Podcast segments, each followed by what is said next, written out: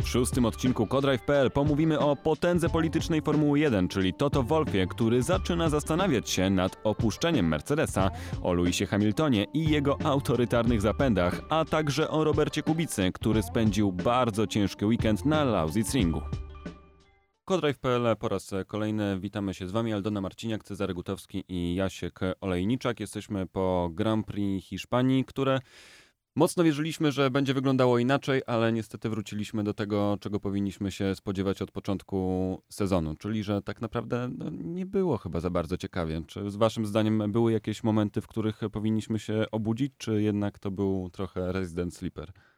Jasiek, to może ty miałeś tę nadzieję, że będzie No ja, coś mia- inaczej. ja zawsze mam taką nadzieję. Jeden Należało się spodziewać, że do Mercedes dwa razy tego samego błędu e, nie popełni. Z drugiej strony Barcelona jest e, torem tak świetnie znanym wszystkim zawodnikom, wszystkim zespołom, że tutaj nie ma miejsca na, na zaskoczenia. E, Mówił o tym na przykład Daniel Ricardo, który do końca miał nadzieję na dziesiątą pozycję, skończył 11. No, mówi, no, no, no przecież ja wiem świetnie, że jeżeli oni tu nie popełnią błędu, to mimo, że ja ich widzę, mimo, że to jest tak w zasięgu mojej ręki, to tak naprawdę na tym torze nie da się wyprzedzać i żadnej akcji nie będzie.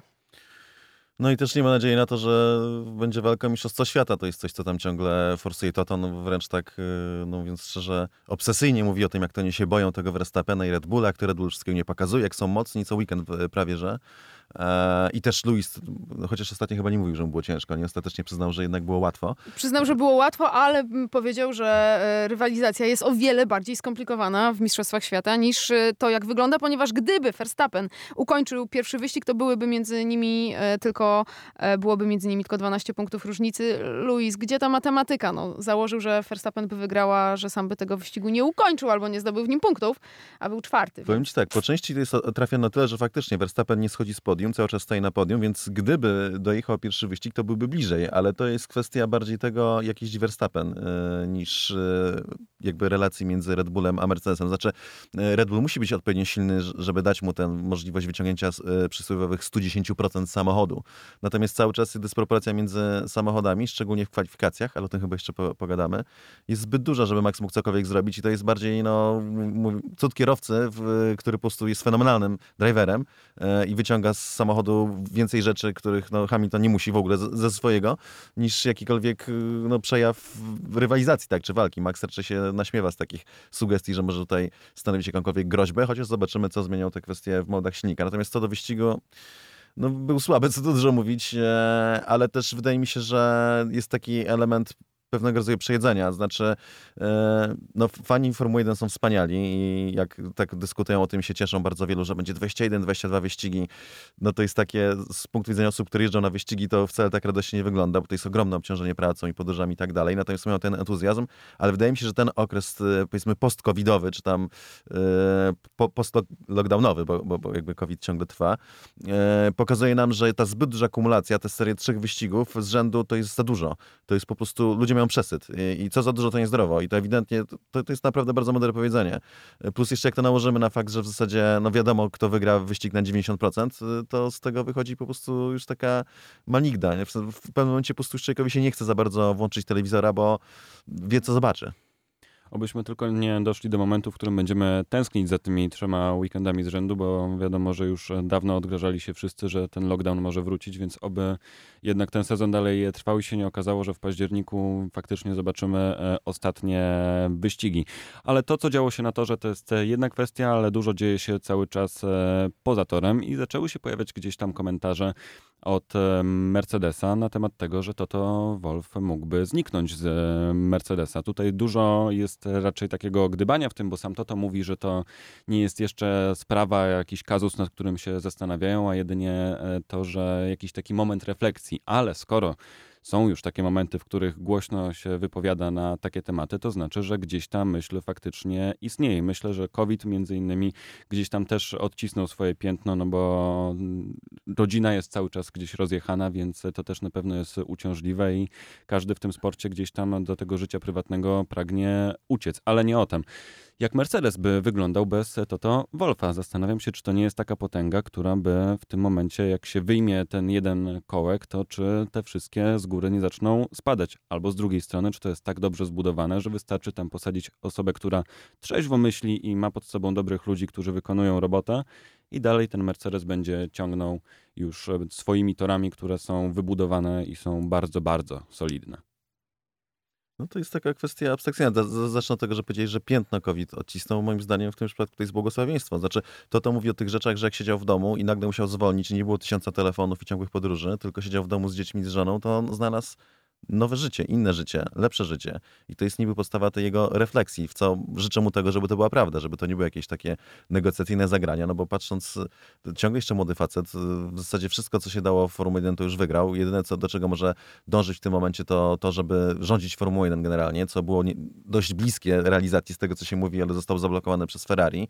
Ale co do zasady, myślę, że no, nie chcę się jakby w czyjeś buty wpychać i, i, i sobie mówić, co bym zrobił na czymś miejscu, bo nie jestem na tym miejscu, ale tak jakby spojrzeć na to, to jest bardzo mądry facet e, w sile wieku, który ma żonę, który ma dzieci, który ma tak, wszystkie pieniądze, jakich potrzebuje, czyli tą postawę utrzymania ma, wszystko, co sobie w życiu wymarzy, e, no może poza zbudowaniem statku kosmicznego, to, to może sobie zrobić, więc no wydaje mi się, że to jest akurat nie, no to jest jeszcze raz bardziej błogosławieństwo, że taki moment nastąpił, kiedy można się zatrzymać i zastanowić, czy już z tym, co osiągnąłem i czy z tym, co mam teraz, czy chce mi się dalej w to pchać po prostu i, i, i, kopać z koniem i walczyć o te rzeczy. E, nawet jeżeli ciągle wygrywam, tak, no to ostatecznie wszystko, ma, wszystko może się człowiekowi znudzić, łącznie z wygrywaniem, tak, można się wszystkim przejeść. A dla Mercedesa to była wielka próba i no sam, y, bo ja jestem przekonany, że ostatecznie i za, zawsze to wyłuszczam, że y, zarówno za porażki, jak i za, za, sukcesy, pierwszą osobą, która jest odpowiedzialna za to, to jest zawsze szef. Tylko, że tutaj potem wychodzą, Robert to często podkreśla. Ale nie tylko Robert, chyba Luis ostatnio mówił, albo Bottas o tym, że to jest 2000 ludzi w zespole, że to nie jest nigdy jedna osoba. Więc y, oni się nie boją, że to imploduje po wyjęciu tak, tej jednej wtyczki, e, tak to nazwijmy, chociaż centralnej, z tego układu. Więc to by był w ogóle taki ciekawy eksperyment. Czy ten system jest tak zbudowany faktycznie, że nawet jak jak zniknie ta osoba, no najwyżej, ta najważniejsza, y, to ten system nie imploduje. Moim zdaniem y, to, to bardzo zabraknie. Znaczy, y, absolutnie się zgadzam, że to jest wiele osób i że to jest cały schemat, system, że to jest mnóstwo osób pracujących w jednej ekipie. Natomiast cały czas osoba lidera, osoba, która no, ludzi motywuje, która ludzi prowadzi, która nas za pewną kulturę funkcjonowania jest absolutnie no, ultra ważna. I ja tam uważam, że odejście Toto Wolfa będzie początkiem końca potęgi Mercedesa. Nie takim gwałtownym, że to to odejdzie się wskazawali, jak Damek Skart, natomiast, że generalnie od tej pory raczej będzie to taka no, spirala w dół. Yy, równia pochyła, tak, tak to nazwijmy. może się mylę, ale z drugiej strony to jest takie myślenie życzeniowe, dlatego że de facto jest to pierwsza i najważniejsza i największa nadzieja na to, że w końcu skończy się dominacja jednej ekipy yy, i że zrobi się Formuła 1, no może nie dominacja drugiej, tylko po prostu jakiś rodzaj walki równej. Ja próbuję sobie przypomnieć, kiedy poznałam Toto Wolfa. To był chyba 2011 rok i pamiętam, że e, poszłam się z nim wtedy spotkać e, jako z udziałowcem Mercedesa o polskich korzeniach, bo szukałam takiego bardziej biznesowego tematu, ponieważ byłam wtedy na wyścigu z, dla, pracowałam dla dziennika e, Gazety Prawnej, więc troszeczkę bardziej od strony ekonomii trzeba było do tego, do tego podejść i pamiętam jak mnie wtedy e, uderzyło, no oczywiście jeśli chodzi o rozmiar postaci, no to to, to był wtedy e, bardzo niziutko e, tak naprawdę. E, natomiast uderzyło mnie, że, że jest to po pierwsze, bardzo fajny facet, e, bardzo sympatyczny, taki, który roztacza wokół siebie aurę człowieka, z którym chcesz współpracować, któremu możesz zaufać. Natomiast e, po drugie, doskonały biznesmen. I my wtedy właśnie rozmawialiśmy o Formule 1 z punktu widzenia e, biznesowego i rzeczywiście widać było, że, no, że to to ma głowę do tego po prostu. Wie, jak poukładać ludzi, wie, jak zarządzać organizmem, jakim jest zespół Formuły 1 z punktu widzenia widzenia e, dynamiki pracy, relacji międzyludzkich, e, nie tylko, e, nie tylko rzeczy stricte mm, technicznych czy, czy sportowych. Więc no, dla mnie to, to jest ogromnie ważną postacią w Mercedesie, ale no, może być też tak, że jest już człowiekiem spełnionym w tym względzie. I w tym kontekście ta jego mm, emerytura, powiedzmy, nie zdziwiłaby mnie. Jeżeli nie da się kierować całą Formułą 1, to może posiedzieć w domu. Ja też się zastanawiałem, czy przypadkiem te ostatnie dosyć e, huczne wydarzenia polityczne nie mają jakiegoś wpływu na to, że to to gdzieś tam się zaczyna zastanawiać, czy by nie uciec z tej Formuły 1, bo nie wiem, myślicie, że może czuję, że gdzieś tam za plecami jednak się robi faktycznie gorąco i że skoro ta jedna rzecz sprawiła już, że jest tyle zamieszania jakiegoś wokół zarówno Racing Point, jak i Mercedesa, to że może są rzeczy, o których my nie wiemy i nigdy się nie dowiemy, ale gdzieś tam w Mercedesie może powstał w głowie Toto Wolfa strach, że będzie więcej tych afer i że Mercedes z samego szczytu nagle zacznie spadać gdzieś niżej pod wpływem jakichś e, następnych rzeczy, które zaczną wypływać. Strachu bym tam nie szukał absolutnie. Zero, zero cienia strachu. E, jeżeli już to jakiś rodzaj arogancji i buty, e, która jest uzasadniona na tym, że faktycznie zrobił świetną robotę. Natomiast to to też no, poczuł się bardzo, bardzo mocno e, w Formule 1 i, i zwiększa swoje zasięgi, strefy wpływów i jest już nie tylko szefem Mercedesa, ale generalnie jest człowiekiem z taką trochę szarą eminencją Formuły 1, z całą pewnością od strony obozu Mercedesa. Wszystko, co jest silnikiem Mercedesa, e, jest od niego mniej lub bardziej zależne nawet jeżeli Williams ostatnio tak się to, trochę znowu tak szarpie w tej sieci, dajmy na to, i, i wyraża niezadowolenie z tego, co się stało między Racing Point y, a Mercedesem, bardzo delikatnie, ale jednak, no to jednak wycofuje się z apelacji. McLaren wycofuje się z apelacji. Będzie miał w przyszłym roku silniki Mercedesa, mówiąc, że to nie ma nic wspólnego w ogóle z, wcale nie ma nic wspólnego z silnikami i tak dalej. Oczywiście, że nie ma, nie, absolutnie nie ma nic wspólnego z tym. Oczywiście, że ma. Eee, ten, ten fatal w Renault, chociaż Renault to jest jednak oddzielna firma i druga strona mm, barykady, ale jednak no, są tam jakieś związki, tak więc Yy, znaczy ja generalnie myślę, że to, to, to trochę ściemnia, że chce odejść, że i to jest takie trochę rzuca, to nie wiem, żeby sobie jakieś większe, większe wpływy zapewnić w zespole, żeby być może wypracować w, obrębie, w obrębie koncernu taką niezależność, jaką miał e, pod poprzednim prezesem Mercedesa, e, Dietrichem Mateszicem. Co prawda mówi, że z Olą Kalniusem to są w ogóle jak dwa e, jak dwa, przepraszam, nie z Dieterem Mateszicem, tylko yy, może z Dieterem Zecze. dwa blisko brzmiące, cztery wyrazy blisko brzmiące.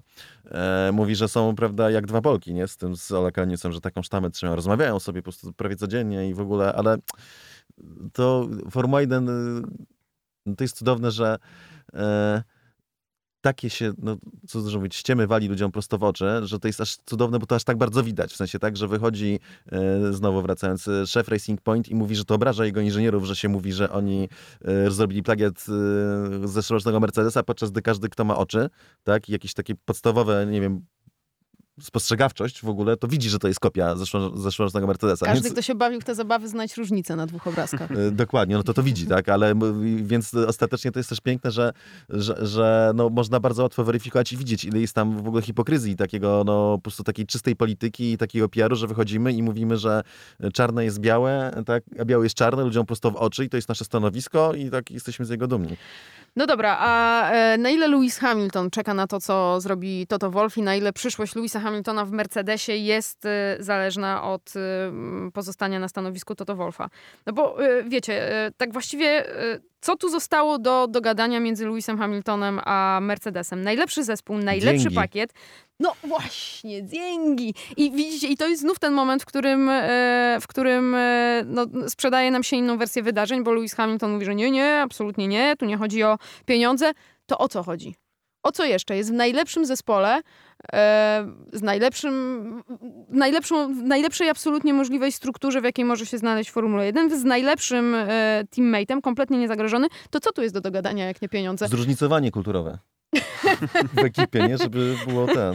Panie, a propos tego zróżnicowania kulturowego, e, słyszałeś, co, co, co mówił e, Walteri Bottas, że e, biedny w tych czarnych, w tych tak, tak czarnych tak, strojach e, spocił się tak strasznie, że stracił 3 kilogramy. Okej, okay, no z jednej strony kierowcy bardzo często w tych ciepłych wyścigach tracą kilogramy, natomiast no niewątpliwie te, on, on powiedział, że te 3 kilogramy to już jest tyle, że to już może wpływać na, na performance, więc... On wręcz użył słowa na F w trakcie, że this King overalls, że tak się płaci. Natomiast też mi się bardzo, wydaje, że tak. tutaj Valtteri Bottas zaprzecza prawo Mercedesa. Znaczy mówi zgodnie z prawami fizyki, Natomiast Mercedesa zaprzecza, no bo y, szef techniczny Mercedesa mówił, że przejmowanie auta na czarno w ogóle nie jest odczuwalne, że to w żaden sposób teoretycznie może, ale w praktyce w ogóle żadne czynniki tego nie wykrywają, to nie ma żadnego znaczenia. Natomiast no, to, W sensie co nie działa na bolid Formuły auta. 1, Mhm. tak, tak. Działa na y, kierowcę. Działa na kierowcę. No tutaj no, ewidentnie Bottas zaprzecza prawom Mercedesa, ale co do praw fizyki, no to, no to raczej się z nimi zgadza i to tak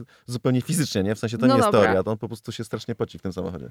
A wracając do Louisa Hamiltona, czy w takim razie, jeżeli już wiemy, że dzięki z jednej strony, ale czy on może też czekać na decyzję Toto Wolfa? No, no to, Hamilton mówi, że nie, że i to, to, to Wolf też to samo powiedział, prawda, że e, Hamilton powinien sam kierować swoją przyszłością i że nie powinien się oglądać na niego. E, I tak samo mówi Lewis Hamilton, natomiast mi się wydaje, że to jest znowu taki przykład takiego mówienia, to trochę jak z tym Otmarem Schaffnauerem i Racing Point, że myśmy nie skopiowali Mercedesa, to nie jest plagiat i ja mi się wydaje, że losy tych, panów są bardzo, ale to bardzo mocno połączone. Mam takie wstrętne podejrzenia, bo już taki mam wstrętny charakter, że być może nawet są tam bardzo prywatne ustalenia, już nie będę wchodził na jakie obszary, ale że są i że oni generalnie to działają w takiej komitywie bardziej. Więc raczej bym to odczytywał, że jednak nie, że ja bym to przyjął za odwrotnie, że ich losy są jednak bardzo ze sobą powiązane. To, o czym mówicie, to po prostu Mercedes jest już istnym imperium, które funkcjonuje w tej Formule 1. I, I to... czarne imperium, jak e, w Gwiezdnych Wojnach. Tak. Gwiazda Śmierci powstaje. Teraz pytanie, kto będzie rebeliantami, którzy wejdą od środka i to wszystko zaczną rozwalać? Czy jest ktoś taki na horyzoncie, który by mógł w ogóle myśleć o tym, żeby powiedzmy, niech będzie tą okazją 22 rok, żeby wchodzić i z Mercedesem walczyć? To jest takie trochę gdybanie, bo tak naprawdę nie wiemy, jak, jak to wszystko będzie wyglądało, ale jest w ogóle szansa na to, żeby Mercedes, który jest tak prężnie ustawiony i teoretycznie jest najlepszym zespołem, znaczy teoretycznie, no, mają to na papierze i na to, że udowodnione. Ale czy to przekłada się na 22 rok i to będzie dalej sobie tak brnęło, brnęło i już tak naprawdę Mercedes jest teraz na takiej fali, że długo, długo będzie to, to trwało i się jeszcze skończy wszystko tak jak z DTM-em, że zostanie Hmm. sam Mercedes i tyle będzie z Formuły 1. Widzisz, to też jest ciekawy wątek, bo e, pamiętam, jak były dyskusje przy okazji e, zmian technologicznych e, parę lat temu, gdy Toto Wolf mówił, zaraz, zaraz, wam się wydaje, że jak wywrócicie regulamin do góry nogami, to my będziemy z tyłu, ponieważ, e, ponieważ będzie mm, nowe rozdanie i, i, i nowe szanse. A to nie, nie, nie. Im dłużej reguły są stabilne, tym więcej ekip ma szansę dołączyć do tej najlepszej. Tym bardziej się ta stawka zrównuje. Jak zaczynamy od zera, to najlepszy prawdopodobnie cały czas będzie ten zespół, który ma największe budżety, który najlepiej działa. No, innymi słowy, to jeżeli zmienicie reguły drastycznie, to zadziałacie tylko na naszą korzyść, bo to znowu my, jako ten zespół, który e, jest znakomicie zorganizowany i, i, i świetnie pracuje, e, to my znowu będziemy na czele, więc e, no, ja się trochę boję tego scenariusza, prawdę mówiąc. No ale zwróć uwagę na to z drugiej strony, że na, podczas gdy przepisy się nie zmieniają, to cały czas jakby na czele jest jeden zespół i co więcej, mimo tego, że są stabilne, to w tym roku przywalił taką przewagę. E, tak, ale wiesz, prostu, na- tak, stabilne przepisy. Ale na dwa sezony nie możesz narzekać z tej ery hybrydowej, jeśli Rzeczy chodzi o zależy, walkę. czy wierzymy w to, że to była prawdziwa walka, czy była reżyserowana, bo ja uważam, że była reżyserowana. Znaczy jestem absolutnie przekonany, zresztą nie tylko ja, że Mercedes ukrywał osiągi, że to było takie Mhm. trochę no, ściemnianie, żeby po prostu FIA, zresztą Helmut Marko fajnie mówił, że się dziwi, że Mercedes pokazuje teraz, jak jest mocny, że Red Bull w swoich czasach świetności nie pokazywał wszystkiego, właśnie obawiając się, że ich tam ukrócą, że podadzą im skrzydełka. I teraz mamy, proszę bardzo, Engine Modes aferę, znaczy aferę, no, nie jest to afera, natomiast jest to kontrowersja i to jest związane z tym, że Mercedes pokazuje za dużo, więc ja tam uważam, że przez te wszystkie lata tak naprawdę e, dominacja Mercedesa była znacznie większa i to e, chodzi o to, że w tej walce nie było dramaturgii. W sensie, że tutaj do pewnego momentu tutaj wygrał Vettel, tu, tam, siam był w, no, z przodu w mistrzostwach, dochodzimy do połowy sezonu, e, druga połowa sezonu się zaczyna po wakacjach, kończy się zabawa, trzeba wiedzieć tytuł i nie ma, Vettela nie ma. I to nie jest tak, że Vettel przestaje jeździć, to jest tak, że nagle Mercedes jest o wiele szybszy. No, m, trochę tak, ale też trochę Vettel przestaje jeździć. No, daj spokój. Niemcy i to co, się, to, co się wydarzyło od tamtej pory, to e, w 2018 to, to, to był dobry przykład tego. Znaczy, ale a propos nałożyło tego, idealnie dla nich. Pod scenariusz się wydarzyła jeszcze jedna rzecz w tych Niemczech, która im jakby broni tego. No i szczerze, jestem absolutnie przekonany, mog, mogę się mylić oczywiście, ale no, patrząc na to, że- żeby nie być naiwnym, tak, żeby nie siedzieć, Mhm. nie słuchać tego Otmara i im nie mówić, no tak, faktycznie, przecież to nie jest plagiat, kiedy to jest plagiat. E, no to po prostu wszystko się, no, wszystko się składa, nie jest to powiedzenie, co jakiś Dieter Renken powiedział, czyli wyśmie, wyśmienity dziennikarz, Mhm. taki śledczy, dajmy na to Formuły 1 od polityki, że y, jeśli chodzi jak kaczka i kwacze jak kaczka, to najprawdopodobniej jest to kaczka, no, na, na, na tej zasadzie. No dobra, to w takim razie a propos tych e, modów kwalifikacyjnych, których FIA chce pozbawić e, zespoły, a jest to wymierzone w Mercedesa, żeby troszeczkę zniwelować ich przewagę kwalifikacyjną. A propos tego, od czego zaczęłam ten wątek, od tej wypowiedzi Toto Wolfa, że chcecie nas osłabić, to my będziemy silniejsi. O tym mówi dokładnie tak samo. Myślicie, że w nas uderzycie? Nie, nie, nie. My to e, przełożymy na, na performance w trakcie wyścigu. No jeszcze mówił o tym też, że y, ironią jest to, że y, Ferrari, Ferrari. spowodowało y, z, tak, tak zaostrzenie przepisów w kwestii spalania oleju, dlatego że to pozwoliło Mercedesowi pójść taką drogą, że innym sposobem, pośrednio przyznając, że palili olej, y, innym sposobem wypracowali sobie potężną przewagę silnikową, idąc w innym kierunku technologicznym, co akurat jest tylko i wyłącznie po prostu takim no, przejawem wielkiej potęgi technologicznej, no, czapki z głów przed tym inżynierami Mercedesa, prawda? To jest absolutnie fenomenalnie, no, fenomenalnie wybitny zespół całościowo. To, to, tego nie wolno im absolutnie odbierać, mimo tego, że to dusi Formułę 1 od dłuższego czasu, szczególnie teraz, no to, to nie jest ich wina, tak? To jest po prostu, no, zasługa też nie. To jest po prostu no, ko- konsekwencja tego, że ktoś jest absolutnie najlepszy, że rozwala system, mówiąc w skrócie. I to tak konsekwentnie od wielu lat. I w tym samym tonie mówi ci Robert Kubica. To prawda, to prawda, E, bo rozmawiałem z Robertem e, na ten temat. Balance of performance i tutaj mam akurat inne opinie, ale może najpierw, najpierw wysłuchajmy najpierw po prostu, co do powiedzenia e, ma na ten temat Robert. Nie wiem, czy to jest dobry ruch, nie, nie, nie oceniać. Myślę, że w pewnym stopniu jest to takie nieoficjalne BOP, czyli Balance of Performance. Są kategorie, które, które bardzo słyną z tego, słyną z tego i tak naprawdę ich mistrzostwa się opierają na tym. BOP nawet jest zmieniane czasami w trakcie weekendu, w zależności od, e, od, od tego, e, które auto, gdzie się kwalifikuje i w zależności pewnie od humoru pewnych osób. Myślę, że jest to rzecz, która na pewno zmieni trochę. Nie myślę, że przetasuje siłę na e, kwalifikacjach, ale na pewno osłabi pewnego konstruktora, który według mnie ma sporą przewagę, szczególnie jeśli chodzi o kwalifikacje. Także, także na pewno Niektóre jednostki napędowe więcej stracą, niektóre praktycznie może nawet nic nie stracą, ale też myślę, że jak zwykle my tak naprawdę nie wiemy, jak jest zapisana zasada i, i co można zmieniać, czego nie wolno zmieniać. Jest to zbyt proste powie- powiedziane, że nie można zmieniać trybu, ale co głębiej technicznie, co to znaczy, co ten jakby zakaz obejmuje. Czy obejmuje wszystko, czy nie wszystko. Jest, jest wiele jakby takich rzeczy, które myślę, że by trzeba było po prostu przeczytać dokładnie zapis i co on mówi i, i, i się dostosować do tego, a tak naprawdę mi to mało zmienia, ponieważ nie startuję, także myślę, że może zbliżyć pewne zespoły do innego zespołu w kwalifikacjach, ale nie sądzę, żeby zmieniła się siła. O. Z drugiej strony stawki, tam gdzie jeździ Alfa i Williams, może mo- mocno zamieszać.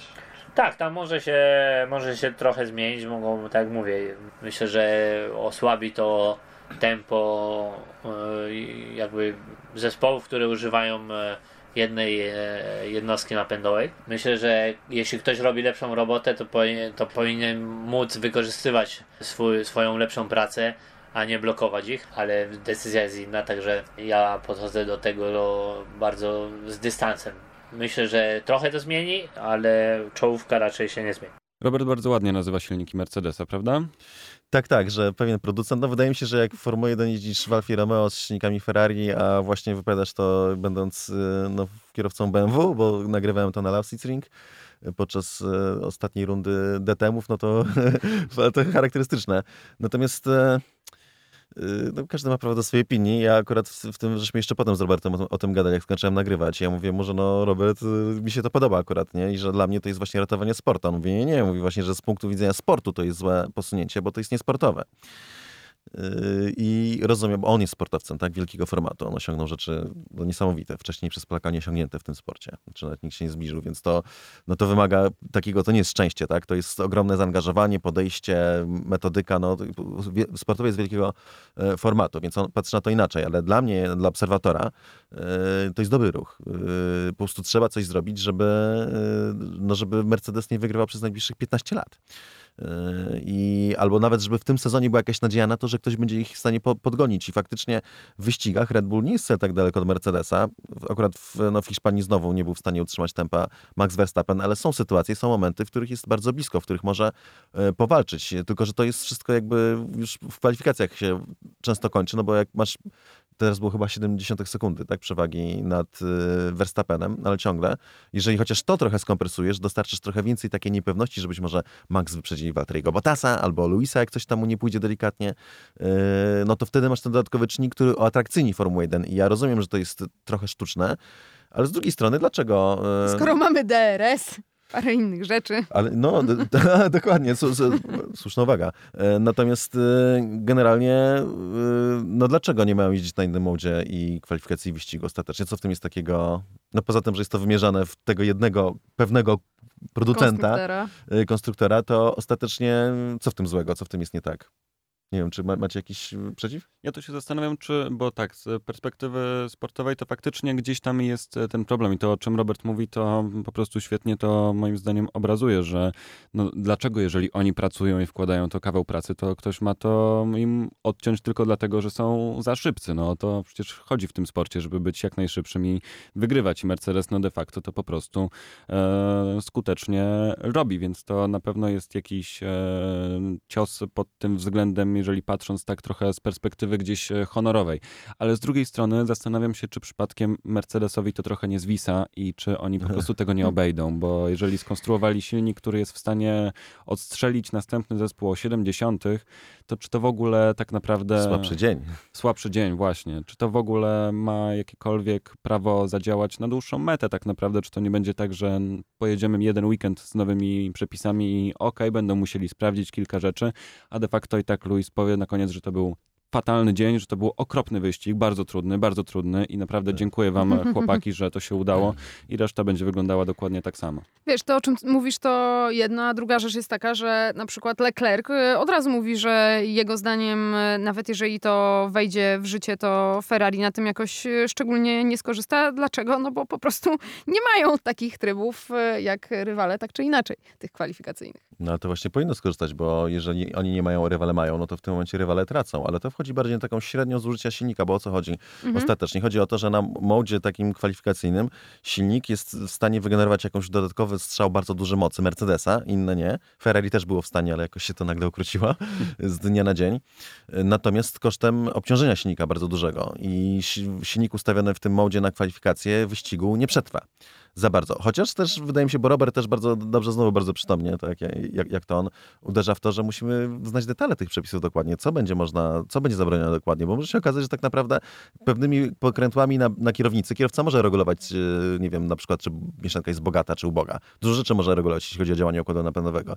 Czy się nie okaże, że tak naprawdę yy, już tymi pokrętłami na kierownicy tak czy inaczej będzie można tak silnik wysterować ciągle, że może nie będzie miał aż takiej zwyżki mocy, ale ciągle będzie miał pewną przewagę nad rywalami, w kwalifikacjach, a potem na wyścig tutaj przekręcimy e, raz, dwa, trzy, czary mary i, i mamy tak z głowy problem wytrzymałości ta kwestia na pewno będzie cały czas przez nas obserwowana, bo znowu jest to jakaś nadzieja na to, że przynajmniej jeden wyścig będzie mhm. ciekawszy, gdy, gdy jakieś zmiany się pojawią, ale przyjrzałbym się jeszcze chwilę Mercedesowi, a konkretnie Lewisowi Hamiltonowi. Cezary mi podesłał fantastyczny materiał a propos tego, jak dużym hipokrytą jest Lewis Hamilton i to jest coś, co obserwujemy cały czas, jeżeli gdzieś tam jesteśmy na social mediach i śledzimy Luisa, to cały czas czytamy te te posty, które są bardzo refleksyjne, których się cieszy życiem, gdzie podkreśla, jak ważna jest planeta, jak ważne jest, żeby mówić nie rasizmowi.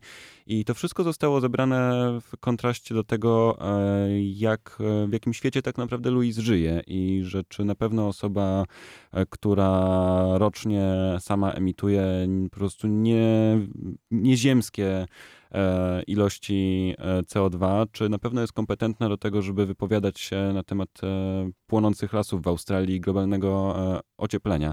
I tak się zastanawiam, bo już kilka filmów o kierowcach Formuły 1 powstało i historii na, na ich temat. Czy przypadkiem e, Luis nie dostanie za 10, może 15, 20 lat takiej metki osoby, która była fantastycznym kierowcą i tego nikt mu nigdy nie odbierze, ale która jej postać była po prostu okropna i zakłamana tak naprawdę, bo gdzieś e, tak naprawdę, gdyby spojrzeć na to szczerze, obiektywnie i zacząć e, oceniać Luisa, to jest osobą niezwykle zakłamaną tak naprawdę w tym, co wypowiada i co świadczy. Oczywiście nie można mu odebrać tego, że gdzieś tam ma w tym wszystkim jakieś dobre cele, intencje, bo jednak zasięgi na Instagramie ma wielkie, na Facebooku i tak dalej, więc gdzieś tam do ludzi jest w stanie na pewno przemówić tymi swoimi hasłami i jakimiś tekstami, które są, e, no powiedzmy, bardzo, bardzo ideowe i takie optymistyczne. Ale no de facto, czy to jest osoba, która na pewno może to robić i czy po prostu Luis nie jest tak naprawdę hipokrytą? Czy wiesz co, ja bym, ja bym go tak ostro nie oceniała, bo dla mnie to się nie wyklucza. Bycie kierowcą Formuły 1, a więc sportu, który okej, okay, emituje ileś tam CO2, ale rozmawialiśmy o tym, pamiętam jak dziś, jak e, był ten wątek e, poruszany chyba w Rosji rok temu z George'em Russellem i George Russell tak patrzy na, na, na, na, na tę osobę, która, która zadała pytanie, mówi, no, no, no dobra, słuchaj, no ale fakt, że tutaj e, zużywamy tyle butelek plastikowych, bo wszyscy jak tam stali z, z, z, plastikową wodą, no to pomyśl o tym, a, a, a, a dlaczego tak bardzo się koncentrujesz na tym naszym sporcie, który e, no nie jest tutaj największym, e, największym, największą Największym bolączką, złem. największym, tak, dokładnie, największym złem, dziękuję. E, więc jakby ten problem jest, jest głębszy, szerszy i leży w bardzo, w bardzo wielu aspektach. Dobrze, że Luis wykorzystuje swoją popularność do tego, żeby, e, żeby próbować coś zmienić, jakoś ludzi uświadamiać. Natomiast ja tutaj, mm, tak jak generalnie mam, e, mam, mam swoją opinię na temat takiego stylu życia Luisa i nie zawsze mi to współgra z tym, jak sobie wyobrażam idealnego kierowcę Formuły 1, tak e, w tym wypadku, no wiecie, patrzę na przykład po sobie. Nie wiem, segreguję śmieci, robię, robię tyle tyle, ile mogę dla, dla ekologii na przykład, no ale, ale jem mięso, bo, bo lubię i co? I przez to, że jem mięso, to już nie kocham naszej planety i generalnie y, powinnam się tutaj samobiczować, że, że, że przyczyniam się do, y, do jakichś dramatów ekologicznych. No, no, nie, więc, więc albo, no, no nie wiem, jeżeli nie przetworzę buraczków, które mi zostaną z barszczu na carpaccio buraczkowe albo tarte buraczki, to już jestem złym człowiekiem, bo, bo nie zużywam wszystkiego, tylko produkuje śmieci. No, nie dajmy się zwariować, więc no, okej, okay, Luis jest tutaj skrajnym przykładem, bo, e, bo z jednej strony mówi dużo o ekologii, z drugiej strony przez wiele lat latał prywatnym odrzutowcem, ale sprzedał go, prawda? No ale sprzedał, a nie, nie, nie posłał na żyletki, ten przecież to tutaj ciągle lata. No właśnie, więc widzisz, więc może Luis powinien był nie tylko sprzedać, ale go zniszczyć. I, I na przykład i wszystkie pozostałe tak. też. Więc y, wiecie, każda skrajność jest tutaj, jest tutaj yy, niedobra. No. Lewis Hamilton ma wiele twarzy, jest z całą pewnością czekiem, który tworzy jakąś pozę, który e, ma w sobie jakiś duży kompleks pochodzenia, co wyszło e, nieraz, ale najbardziej kiedy, kiedy walczył z Nico Rosbergiem o jeden z tytułów i mówił, że e, on jest lepszym kierowcą, dlatego że ma sobie więcej determinacji, bo jak e, Nico, Nico Rosberg sobie tak pływał na jachtach z tatą w Monte Carlo, to on biedny u taty na kanapie leżał, spał. I to ewidentnie i on co to sobie ten kompleks marzył o tym wielkim świecie, osiągnął go, super, bardzo się cieszę, zasłużył na to, jest wybitnym kierowcą, no i teraz jakby stwarza poza do, do tego całego wielkiego nowego świata. I teraz trzeba pewne rzeczy oddzielić. Znaczy, te idee, które Luis propaguje, to one są co do zasady słuszne lub bardzo słuszne, tak? Czyli faktycznie ekologia, trzeba dbać o, o ekologię. No też jestem mięsożarny, ale bardzo ograniczam jedzenie mięsa, dlatego że jednak bardzo lubię zwierzęta. Eee, plus uważam, że mięso nie jest aż tak bardzo potrzebne, aczkolwiek uważam, że jest, przynajmniej mi. Eee, I no, tak, rasizm jest zły, ale generalnie nie tyle sam rasizm, co po prostu dyskryminacja kogokolwiek, tak? I, to są właśnie takie jakieś dziwne, ślepe załuki. E, natomiast no, dochodzimy do takiego punktu, kiedy no, no, jest to takie już no, przegięcie, czyli facet da, daje posta, że e, mój samotny dzień z Matką Ziemią i z moim psem e, Rasko czy Koko, nie wiem, którym tam pies mu odszedł. Koko umarł. Biedny, no cóż, takie życie, nie? Takie circle of life, jak to mawiają. Mm. No niestety, wszystkich nas to czeka może poza Luisem, e, więc płynie na tej motorówce, że ja sam, ale to naokoło ekipa, prawda, jako kręci. On sam bez telefonu, bez niczego, ale siedzi na motorówce i taka motorówka z takim wielkim silnikiem, bzz, bzz, skaczą, prawda, tutaj matka ziemia. E, Te ryby tak, tam. Czuje się zadbana, tak, ryby się mielą e, pod śrubami. E, I no, no to jest e, śmiech na sali. I tak samo no, no, od, odrzutowców mówiliśmy, tak? 15 samochodów, e, przy czym tam połowa to super samochody. E, no czy fakt, że koncert samochodowy, znaczy ja akurat uwielbiam motoryzację i koncerny samochodowe i pod tym względem jestem średnio eko, znaczy uważam, że filtry i tak dalej to super, natomiast na przykład zabienie diesla to jest jakiś absurd w ogóle, to jest jeden z najbardziej efektywnych silników, jaki wymyślono. I no ale to, to, to nieważne. A Elektryczne z kolei wcale nie są takie ekologiczne, jak, jak, jak nam się wmawia. To są wszystko mody. Natomiast no znowu, wielki koncert, no to to się nie kojarzy z, z, z ekologią. E, Wielki sponsor, który jest e, koncernem olejowym e, na, na samochodzie, też się z ekologią nie kojarzy. I możemy tak iść dalej, dalej, dalej. Natomiast jest taki moment, że jeszcze, Mhm. w którym no on chce być takim tym liderem, nie wiem, moralności i zaczyna zmuszać, i to już jest, to jest bardzo groźne, zaczyna zmuszać innych kierowców. On mówi, że nie, że on, każdy robi jak chce, a mimo tego mówi, że powinni z nimi porozmawiać organizatorzy serii FIA i Liberty, żeby oni klękali.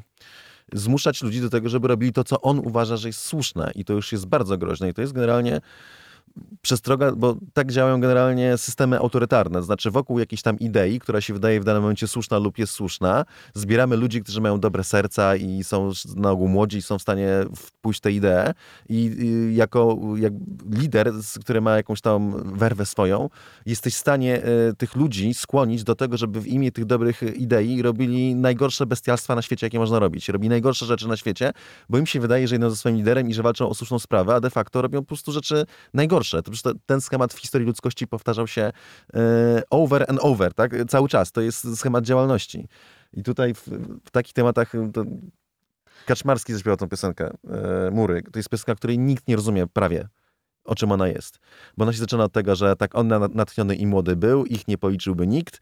On im e, dodawał e, pieśnią sił, śpiewał, że blisko już świt. I tak oni się zbierają w tej piwnicy i na tej pieśni tak płyną, wychodzą na ulicę, mury nie chruną i tak dalej. I potem jest scena, którą ludzie sobie nie zdają sprawy, w ogóle nie rozumieją, o czym jest ta piosenka, piosenka tak naprawdę. Że oni idą po tych ulicach e, e, i, i tak, zwalali pomniki i rwali bruk, ten z nami, ten przeciw nam, kto sam, ten nasz największy wróg. A śpiewak także był sam. I patrzy na równy tłumów marsz, milczy wsłuchany w kroków huk, a mury rosną, rosną, rąco, rosną, łańcuch kołysze się u nóg. I to, to jest, ta piosenka opisuje schemat, jak to działa. Więc tutaj Louis wychodzi z tymi swoimi wielkimi hasłami, y, że end racism, a tak naprawdę no, idee, które propaguje i jakby sposób, w jaki się wyraża, to jest to jest rasizm, o, tylko że w drugą stronę wymierzony. To nie jest stanięcie po środku, gdzie stoi ten biedny śpiewak i, i wyważanie tego, i, i sprawiedliwość i równość, tylko to jest z drugiej strony barykady po prostu napychanie i walka. To jest konflikt. Więc y, gdzie tutaj mówimy tak o równości, o tym, żeby być dobrym człowiekiem, gdy de facto jesteśmy po drugiej stronie barykady i, i, i wymierzamy tak nasz cios w tę drugą stronę. Słuchajcie, w końcu zrozumiałam, czemu patrzę tutaj, zaglądam Cezaremu przez ramię w e, otwarty jego ekran komputera. On ma tam tekst piosenki. W końcu zastanawiam się od początku podcastu, dlaczego, o co chodzi, teraz już wiem. I rzeczywiście dotknąłeś tego, co też mnie w e, Luisie bardzo boli, czyli tego, że on e, nawołując do równości, walcząc o równość, ludzi dzieli. E, I obraża. I e, zobaczcie, zobaczcie na przykładzie mm, anty-racism akcji e, Formuły 1, którą obserwujemy od początku, od początku tego, tego sezonu. E, było trochę chaosu. E, szczególnie było to widać na, na, na Węgrzech, gdy niektórzy kierowcy zapomnieli, zapomnieli swojej koszulki. To chyba Antonio zapomniał, w związku z tym już tam wszyscy klęczą, już jest ten, znaczy no nie wszyscy właśnie, nie wszyscy klęczą, ale Luis klęczy i, kilku innych kierowców.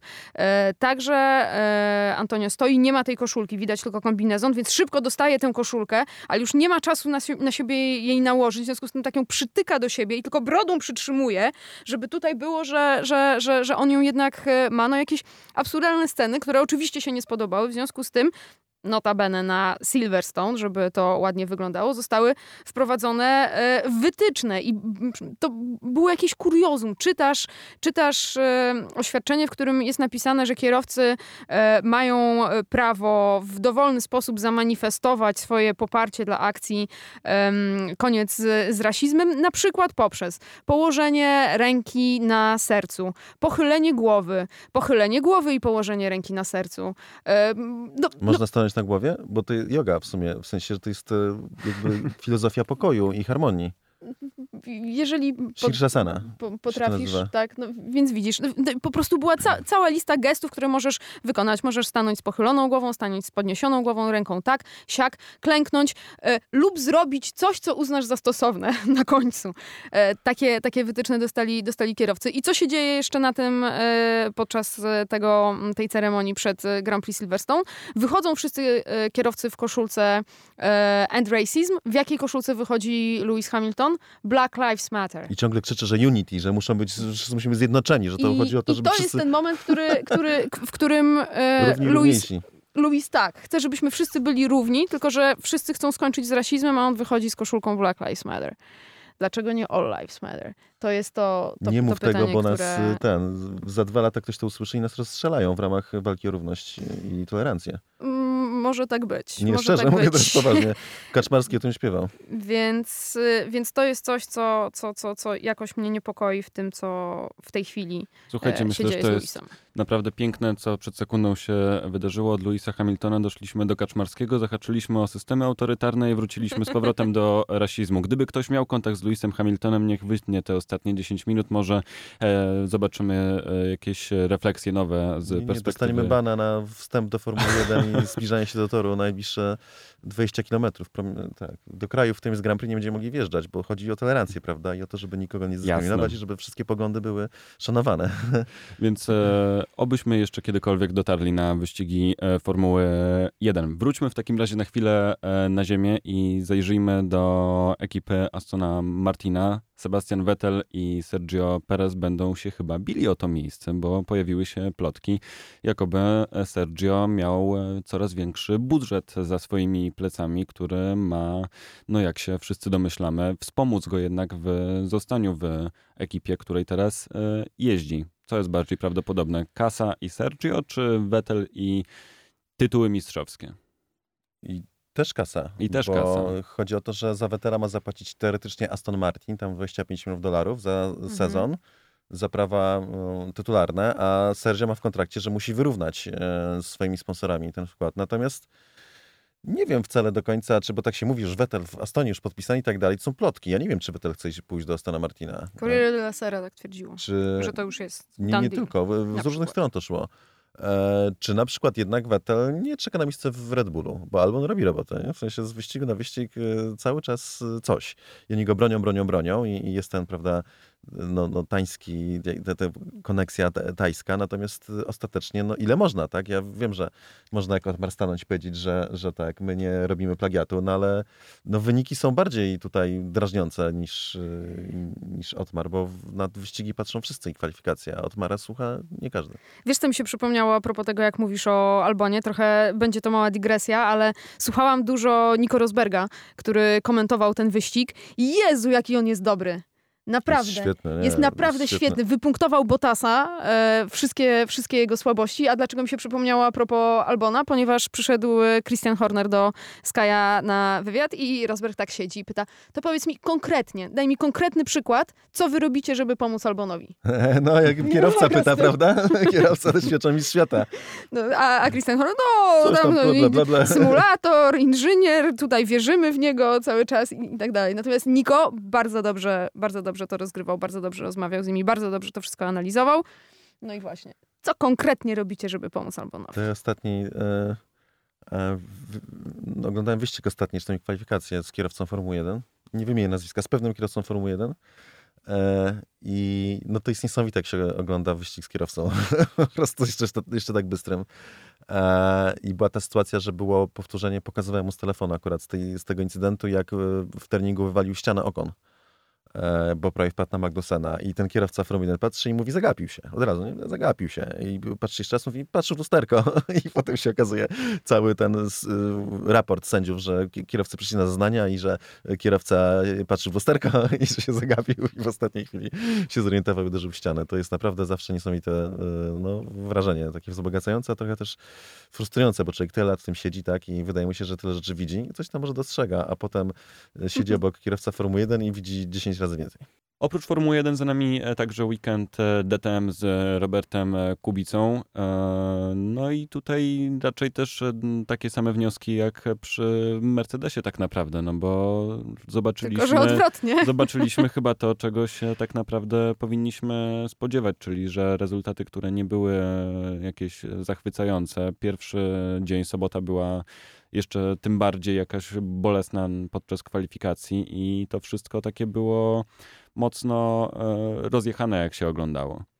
No tak, dwa ostatnie miejsca podczas y, kwalifikacji i dwa trzynaste miejsca podczas y, wyścigu. To było to, czego mm, ja się obawiałam od samego początku. Pamiętacie, mówiłam o jednej rzeczy. Spa było torem nie DTM-owym, Lausitz jest torem typowo DTM-owym, w związku z tym e, jeszcze zostanie podbite, podbita ta różnica pomiędzy Robertem i jego ekipą, a e, całą resztą stawki, która przyjedzie, wyciągnie sobie zeszycik, mówi, a ta, czyli to z zeszłego roku, a tak, tak, tak, tak, tak tak i robimy, a Robert tej wiedzy nie ma, jego zespół tej wiedzy nie ma i to było chyba najbardziej w tym wszystkim e, przykre, że E, nie było wiadomo w ogóle, w którą stronę iść. Przynajmniej takie było wrażenie z zewnątrz, że tam e, było dużo miotania się, dużo poszukiwania i mało takich e, światełek w tunelu. Bardzo jestem ciekawa, co powie Cezary na ten, na ten temat, bo miał szansę obserwować to z bliska. No, wyglądało to niepokojąco i szczerze mówiąc taka bezsilność człowieka obej, obejmuje i, i jakoś no ja jednak liczyłem na to, że że w ten weekend będzie lepiej, tak, że ten pierwszy weekend e, po prostu no, da jakiś rodzaj bazy, doświadczenia, jakieś, nie wiem, kierunki do rozwoju i to będzie poprawa. Tymczasem jakich setupów by nie próbowali, zespół się stara generalnie, tylko nie wiedzą co robić. Czego by nie próbowali, to zawsze coś, zawsze e, no, no jakiś problem. Naj, naj, najgorsze były te kwalifikacje, w sensie, bo to już nie chodzi o to, że Robert był ostatni, chodzi o to, że on tracił do kierowcy przed sobą 4 do 50 sekundy w dwóch różnych kwalifikacjach. To jest przepaść, bo potem cała reszta mieściła się w sekundzie albo w 90, więc to jest absolutnie, to jest tak nienaturalne, a z drugiej strony patrzysz na kamery, na onboardy. Ja akurat spędzałem ten czas w garażu głównie, oglądałem go po prostu no, z poziomu e, zespołu. Byłem cały czas w środku, tak, w centrum tych wydarzeń e, i tam przez, pierwszego, przez pierwsze dwa dni mieliśmy nagrania z kamer, znaczy nagrania, relacje na żywo z kamer pokładowych samochodu, no to tam Robert idzie mega dobrze, w sensie, że to było budujące, że świetnie sobie radzi z prostu panowania tym samochodem ma w jednym palcu. I, i jakby zestawić jego E, onboardy na przykład z onboardami czołowych kierowców, którzy mają wielkie doświadczenie, typu, no mi się najbardziej z Rastem to podoba, bo Ras jest mistrzem i no to w zasadzie no, pra praca na kierownicy jest niemal identyczna, czyli cały czas jazda na granicy poślizgu, cały czas takie mikroruchy, które stabilizują auto i widać, że kierowca pracuje na, na kółku, jak opony są lepsze, to mniej i spokojniej i w treningach, jak jest e, sesja kwalifikacyjna, no to ciut więcej, jak, opo jak opony się ścierają w wyścigu, to jeszcze mocniej i to wszystko progresywnie się zmienia. E, jedzie, auto jedzie bardzo płynnie, tak praca na kierownicy jest i, i, to często właśnie duża, ale auto idzie po linii, idzie bardzo precyzyjnie, yy, bardzo dobre cięcia, wyjścia za, prosto pod ścianę, tak na, na milimetry, czyli wszystko się zgadza, linia się zgadza, patrzysz na stoper i to jest jakaś masakra. W sensie, że no, te, ten odstęp jest e, makabryczny i najgorsze jest to właśnie takie błądzenie, bezsilność, że nikt nie wie do końca, co zrobić. E, no, z, gadałem z Robertem, robiłem wywiad po tym weekendzie i on mówi, że to problemem nie do końca są samo ustawienia, że tam są jakieś poważniejsze problemy. A pamiętajmy, to jest bardzo skomplikowane auto, to jest prototyp wyścigowy. E, są jakieś poważniejsze problemy, nie, nie chciał zdradzić jakie, natomiast no, trochę tam coś e, sugerował, że tutaj coś z hamulcami było nie tak, że próbowali różnych modów w ogóle, e, że auto przecież przerabiali między kwalifikacjami a w niedzielę, a wyścigiem. Teoretycznie jest to niedozwolone, bo jest park Ferme, ale w praktyce, jako że karą jest cofnięcie na ostatnie pole startowe, a Robert i tak był ostatni, to, to ich nic nie kosztowało.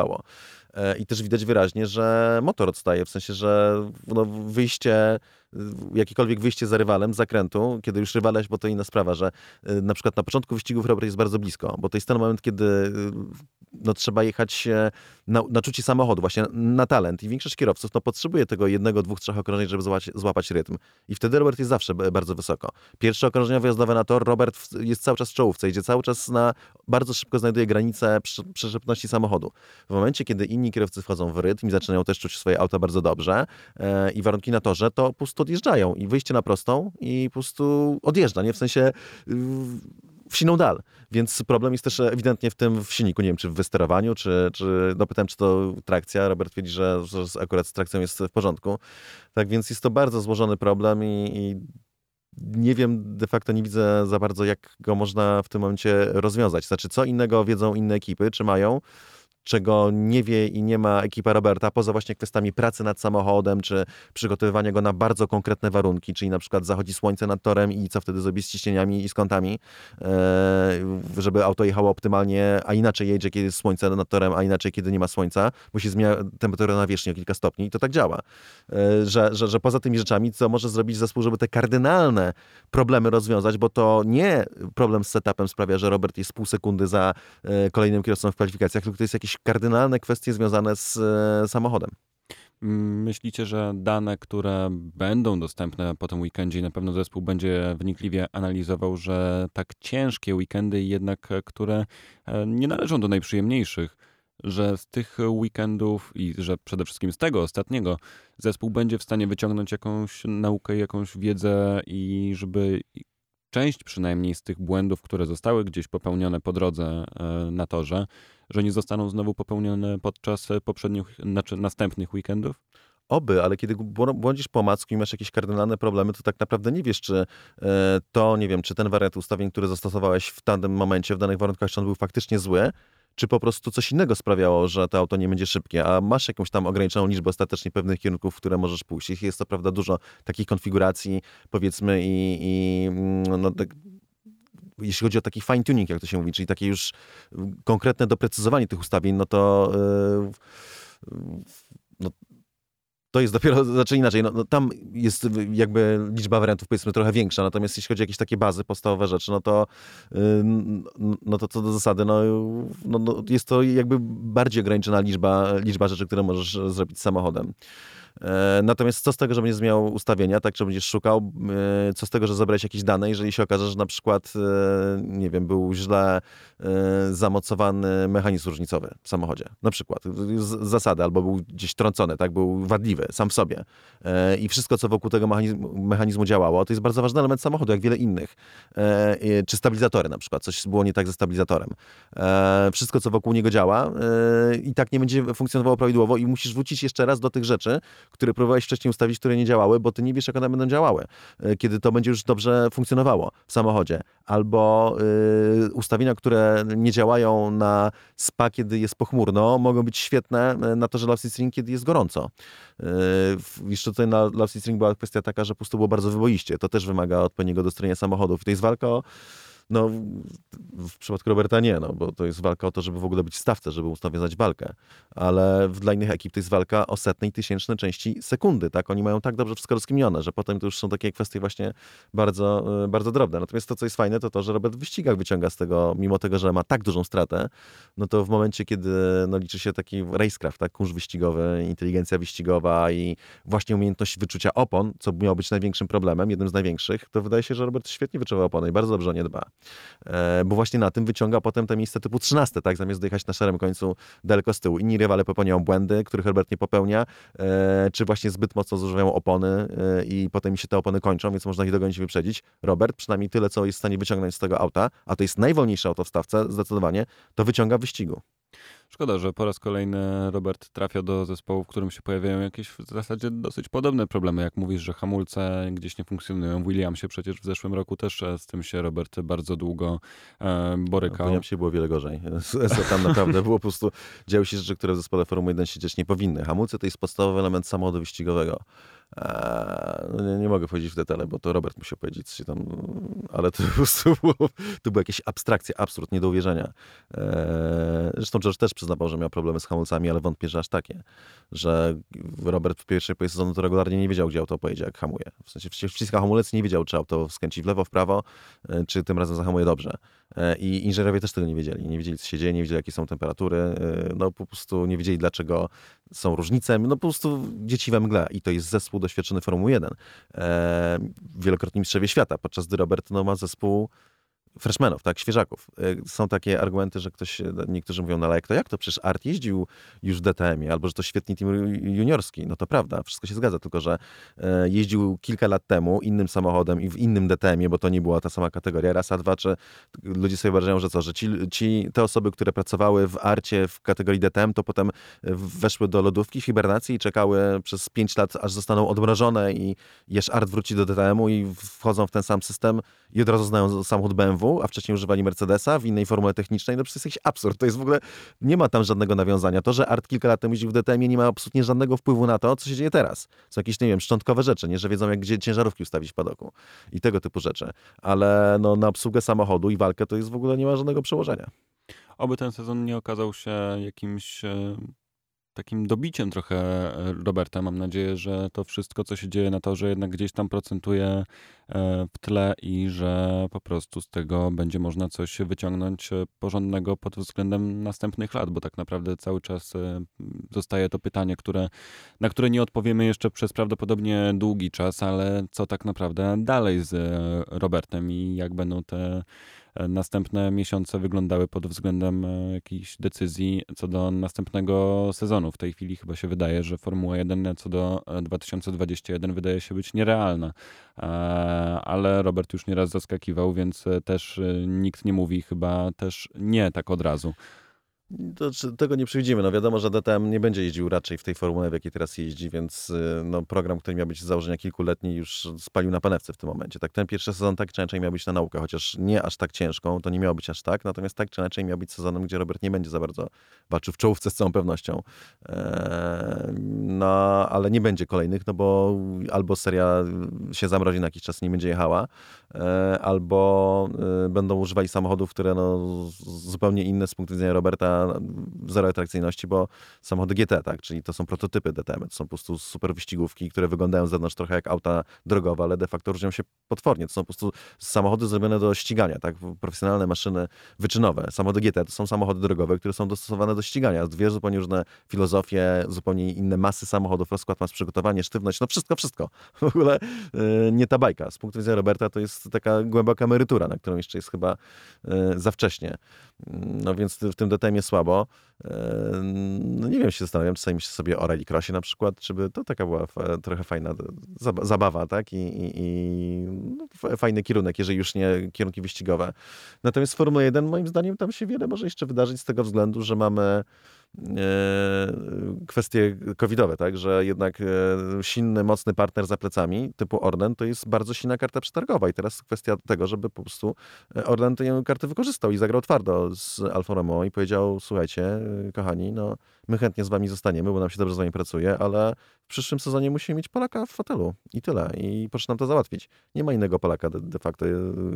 Żaden inny Polak nie jest blisko nawet, żeby móc się starać o uprawnienia, żeby zjeździć Formułę 1. To nie mówi, żeby mieć uprawnienia, żeby się ścigać, tylko żeby móc w ogóle złożyć aplikację, super licencję. To jest... No, no, no, nie ma, nie, nie ma takiego Polaka e, na razie, który byłby do tego blisko, czy nawet zbliżał się do tego, żeby być blisko, tak? No, nie ma, nie ma. To, to, to będzie kwestia na lata. E, więc to się będzie rozgrywało w ten sposób. Raz, a dwa, e, moim zdaniem Robert akurat pokazuje, e, że ma bardzo dobre tempo. I to pokazał w Hiszpanii w testach już kiedyś jeździł trochę więcej i był szybszy od obu kierowców Alfa Romeo. Co prawda tych czasów się nie czyta tak dokładnie, literalnie, ale no jak też się wie, gdzie ucho przyłożyć, to można się dowiedzieć, czy one faktycznie są re, re, reprezentatywne e, e, i były. E, raz, a dwa, no są, jest jakiś tam próg, pewien próg, jak, że jak kierowca wejdzie w ten próg, to nieważne ile miał paliwa na pokładzie, ważne, że już powyżej tego progu znaczy, że jedzie szybko. A druga rzecz to jest taka, to na Silverstone, kiedy Robert był trzy dychy od Kimiego Räikkönena, to był naprawdę świetny występ, w sensie naprawdę po, do, do zadowolenia. I tym bardziej, że nie jechał programu takiego jak Kim, jechał program taki eksperymentalny, który nie wyszedł. E, więc e, tempo Robert ma z całą pewnością. E, bez cienia wątpliwości, bardzo dobre. Natomiast, no niestety, ale mm, to się nie rozegra też umiejętności kierowców, a nawet jeżeli, no to pamiętajmy, że tam jeszcze jest przymierzony, bo oprócz tego, że Raikkonen może chcieć zostać, w co akurat wątpię, że jest tam przymierzony Hulkenberg, który tempo ma bez wątpienia, jest też świetnym kierowcą, czy Sergio Perez, który jest świetnym kierowcą i ma budżet, no to w tym momencie, no tutaj robi się ciasno. Będziemy to wszystko na pewno e, obserwowali. Mamy nadzieję, że Roberta jeszcze na wielu torach będziemy mogli e, podziwiać i mu kibicować, bo o to przede wszystkim e, tak naprawdę chodzi. Aldona Marciniak, Cezary Gutowski, Jasie Kolejniczak. Dziękujemy za wysłuchanie.